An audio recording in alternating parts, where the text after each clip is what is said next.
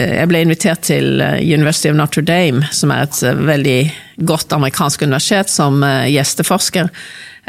Og da fulgte jeg jo den amerikanske polariseringen på nært hold. Mm. Og det var jo en det var jo under Trump-perioden, og det var jo altså så dyp polarisering Eh, både på, på republikanersiden, altså ser du Fox, så du Fox News under riksrettssaken, var det jo bare en sånn eh, jeg håper å si enorm omskrivning av problemene i den saken mm. til å bli eh, standpunkter for, for Trump. Da. Altså en politisering av nyhetsdekningen.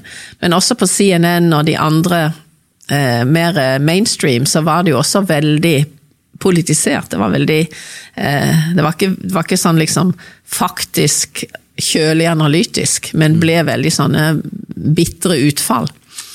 Eh, og etter Trump så har vi jo Og Trumps politisering av valget, ikke sant, ikke ville godta valget, det var jo liksom eh, Det viser jo at du du har et republikansk parti som er helt nede i sumpen, da og fremdeles ligger der. Fordi man opponerer jo ikke mot hans dominans, og mm. fremdeles holder de på med eh, liksom en, en, annen versjon av virkeligheten.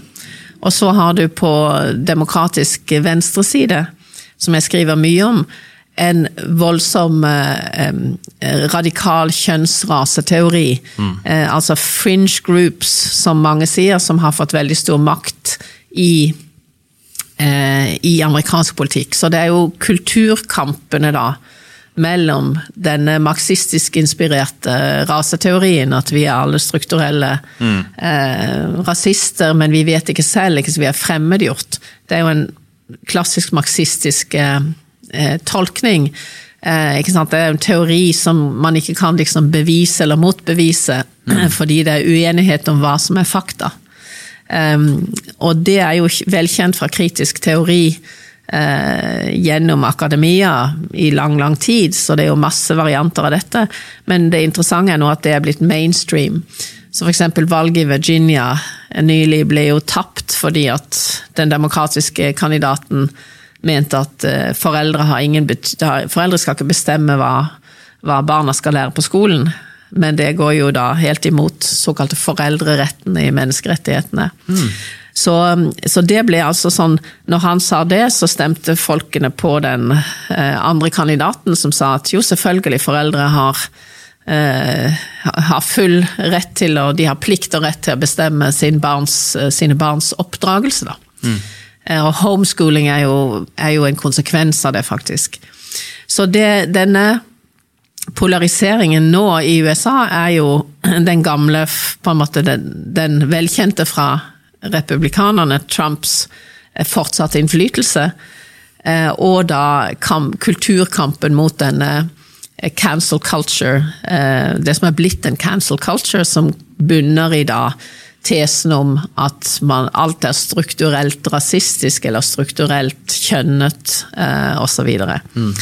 Eh, og det interessante er jo at dette er blitt liksom så vesentlig i, i eh, den politiske hverdag, og samtidig er det jo en intoleranse i denne venstresidens agenda i, hos demokratene, eller denne agendaen, fordi det blir en sånn kanselleringskultur. Jeg siterer Anne Applebaum, som er skriver i The Atlantic, en lang artikkel om dette her i kapittel én Eh, hvor hun sier liksom den professoren mistet jobben, den komponisten får ikke fremført sine verk fordi man var uenig i denne kvotetenkningen, denne nye mangfoldsideologien.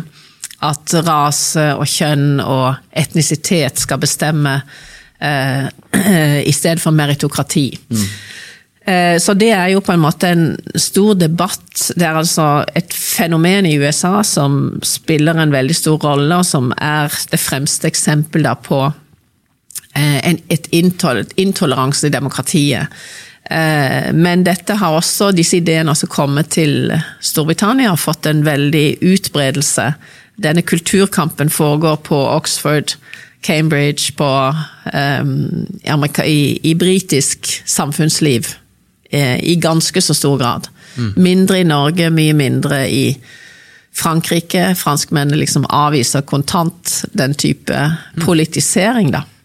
Eh, så jeg skriver litt om dette, men boken handler jo ikke eh, om dette, eh, dette liksom mest ekstreme. Den handler bare om det. Det handler om en liksom, Jeg er på jakt etter det, jeg er på jakt etter um, snevre ytringsrom, for å si det sånn. Mm. Og prøver å henge litt bjeller på katten, fordi vi tenker ofte det er populisme og enkle velgere, altså sånn som Hillary Clinton kalte dem uh, deplorables. Mm.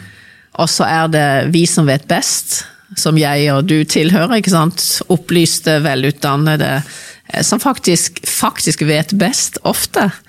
Men i et demokrati er det jo folk flest som styrer. Mm. Og det er jo det som jeg, jeg liksom sier, jeg går fra dette ja, vi vet best, i, eh, vi har løsninger, kunnskapsbasert politikk osv., til alle disse velgerne som, eh, som sier men vi er ikke enige, vi vil ikke ha åpen migrasjon, åpne grenser for migrasjon, vi vil ha brexit, eh, vi vil ha tradisjonelle familieverdier.